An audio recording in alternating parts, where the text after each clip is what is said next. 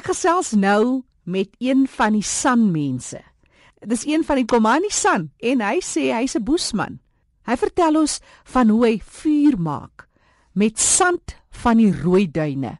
Kom hoor van hierdie interessanthede en hoe hy sy kultuur en tradisies wil deurgee aan die jongeres en uiteindelik sy spoorsny kundigheid ook oor wil dra. Ek is maar mens baranse van 'n Omani San. Ja, sommige noem my sommer Komani. Komani. Soos Platfontein se boesmans daar so sal my net ken as Komani. Die ouens van die Kaap van die Khoi manne hierso sal my dan net hoor met die naam Komani. Vertel my so 'n bietjie van waar presies is jy? Van watter boesmans is jy? Ek is uh, uh, uh die boesman van die Kalahari. Maar heidaglik tans in Appington woonagtig, maar ek is 'n Kalahari kind, gebore in die Oos-Kalahari, groot geraak in die Namibia streek Marintal en daarvan af het ek teruggekom skool toe, standaard 1 gevorder en uh, die skool verlaat. En daarvan het ek nou na uh, militêre basis verhuis na 203 bataljon, is ook dan 'n Boesman bataljon in Grootfontein. En daar het ek tot 'n uh, offisier, luitenant, spoordeskundige gevorder en met die afhanklikheid van Namibia in 1989 toe moet ons dan verhuis na Suid-Afrika en daar het ek my weer kom aangesluit by die Suid-Afrikaanse leer. Ek is baie betrokke by Platfontein om rede hoekom ek dan al die uh, sanmense besoek Namibia, Angola, Botswana. Rede is dat uh, baie van die sanmense het baie verloor. Sommige kan nie die vuur met die grond maak nie en sommige kan. En uh, Platfontein het miskien die wat die boesmans van die Kalahari nie het nie. En Namibia het weer wat die uh, boesmans van die uh, Kalahari nie het nie. So so daar is iets wat weggeraak het. So tel ons net weer op. Dis die hele rede waar ek al die groepe besoek.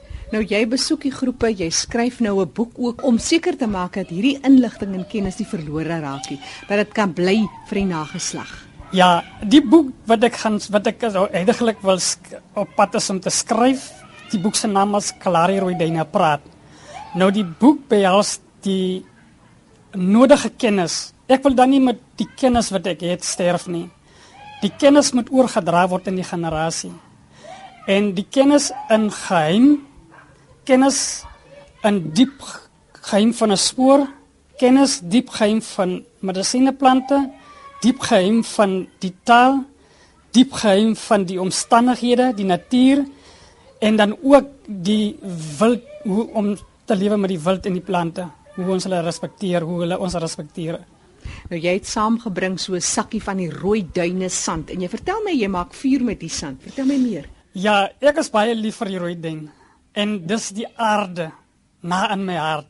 Die rooi duine praat en my hart is geanker op daardie eerste duin of die laaste duin van 'n rooi duin waar die boesman gras jou verwelkom met 'n samesing met die ondergang van die son na aan jou hart en dan benader die nagrus jou. Die voels het stil geloop raak die gevlei het stil geraak en 'n eensame skilpad loop verby jou sonder bestemming. Hy weet nie wanneer hy op pad is maar hy is op pad om te gaan. Nou die grond is deel van my eie en hoe ek die vuur met die grond maak dis 'n erfenis. Ek gebruik die sand ek gebruik twee stokke. Ek gebruik dan daai gras wat ons met leef. En dis hoe ek die vuur vorm. En dis is nie kulkuns nie. Dis erfenis. Wys my hoe maak jy daai vuur? Ek gebruik twee stokke. Gaan na goeie goedjies. Komani is op pad gou hier tussen sy goed wat hy soek. Daar so is sy pyl en sy boog.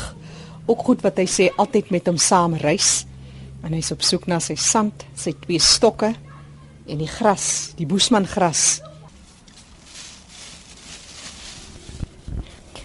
Nou gaan jy vir my 'n vuurtjie maak met die sand van die Kalahari, die bossies van die Kalahari en twee stokke. Dit lyk vir my na baie droë grasies wat jy daar het, lyk amper soos iets wat uit 'n voeltjie nes sou gekom het. Ja, dis 'n voeltjie nes. Kyk die versameling voels wat na in die boesman se hart is. Dis sy sy gedoente is hierdie en dis 'n nes wat hy gevorm het maak hom nog fyner. Ja, ek ek maak 'n bietjie die gras 'n bietjie fyn dat die, die met die vorm van die ding dat jy kan 'n bietjie meer daai vog en hy passie het om dit vinniger te kry. OK, ek het dan nou die die stok wat ek nou sal daar gebruik.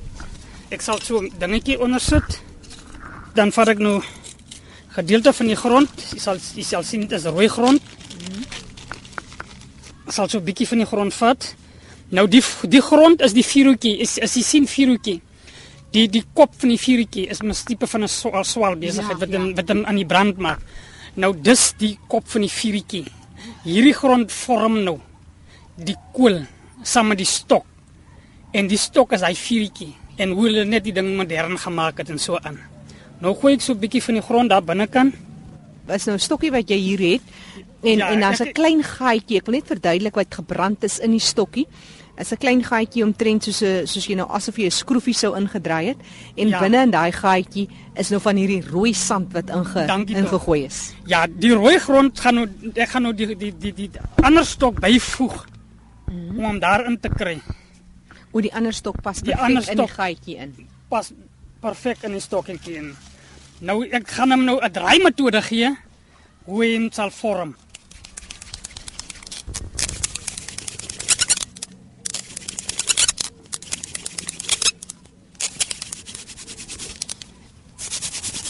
ongelooflik want ek kan absoluut die swaal ruik. Dit ruik soos 'n vuurtjie wat gebrand word en um, ek weet nie of dit stof is wat daar trek en of dit rookies is nie. Ek het 'n gevoel dis rook wat daar trek. Is rook ja.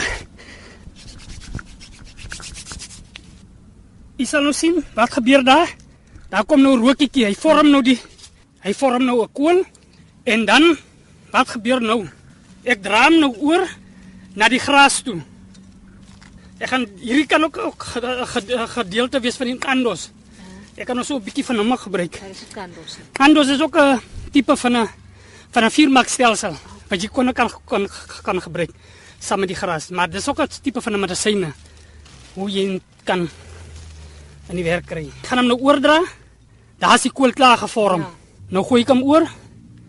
OK, kyk wat maak ek nou. Ek sit hom in my hande en jy het hom nou binne in die nesie in in die nesie nou nou, nou vorm met die nesietjie nou nou blaas ek hom daai kool gloei behoorlik nou binne in daai nesie en dit ruik na 'n lekker vuurtjie wat hier aan die gang is die rook kom nou uit alle rigtings dis eintlik 'n vreeslike rook wat nou hier uitkom.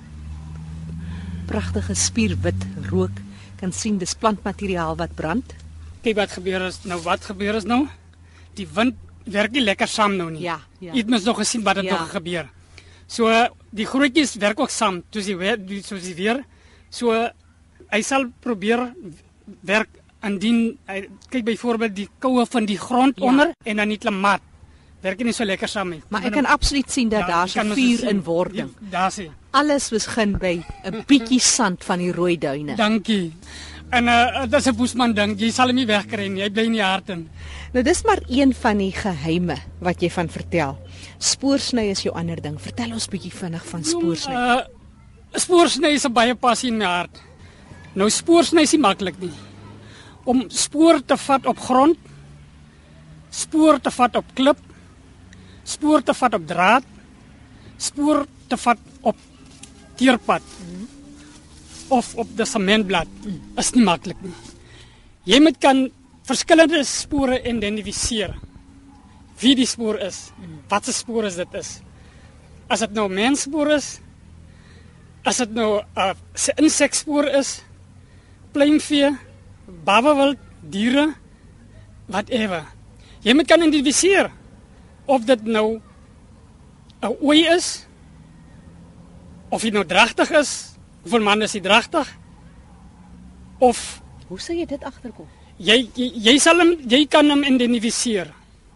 Hoe die spoor is, hoe die spoor vou.